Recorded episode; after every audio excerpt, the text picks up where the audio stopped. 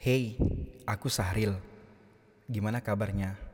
Semoga kita tetap selalu sehat dan tetap terus produktif walau di situasi seperti ini. Terus bekerja ya sahabat. Oh iya, sebagai awal perkenalan diri, aku Sahril Pratama. Ya, panggil saja aku Sahril atau apa pun yang merasa kalian nyaman buat manggil aku silahkan. Yang terpenting, panggilan itu membuat kita menjadi akrab dan dekat. Aku hadir sebagai teman kalian, teman cerita di saat kalian sedih maupun senang. Aku siap selalu hadir menemani kalian. Hehe, walau kadang juga tidak menyelesaikan masalah, tetapi setidaknya aku mencoba untuk menjadi teman di saat kalian sedih maupun senang. Enjoy, selamat mendengarkan.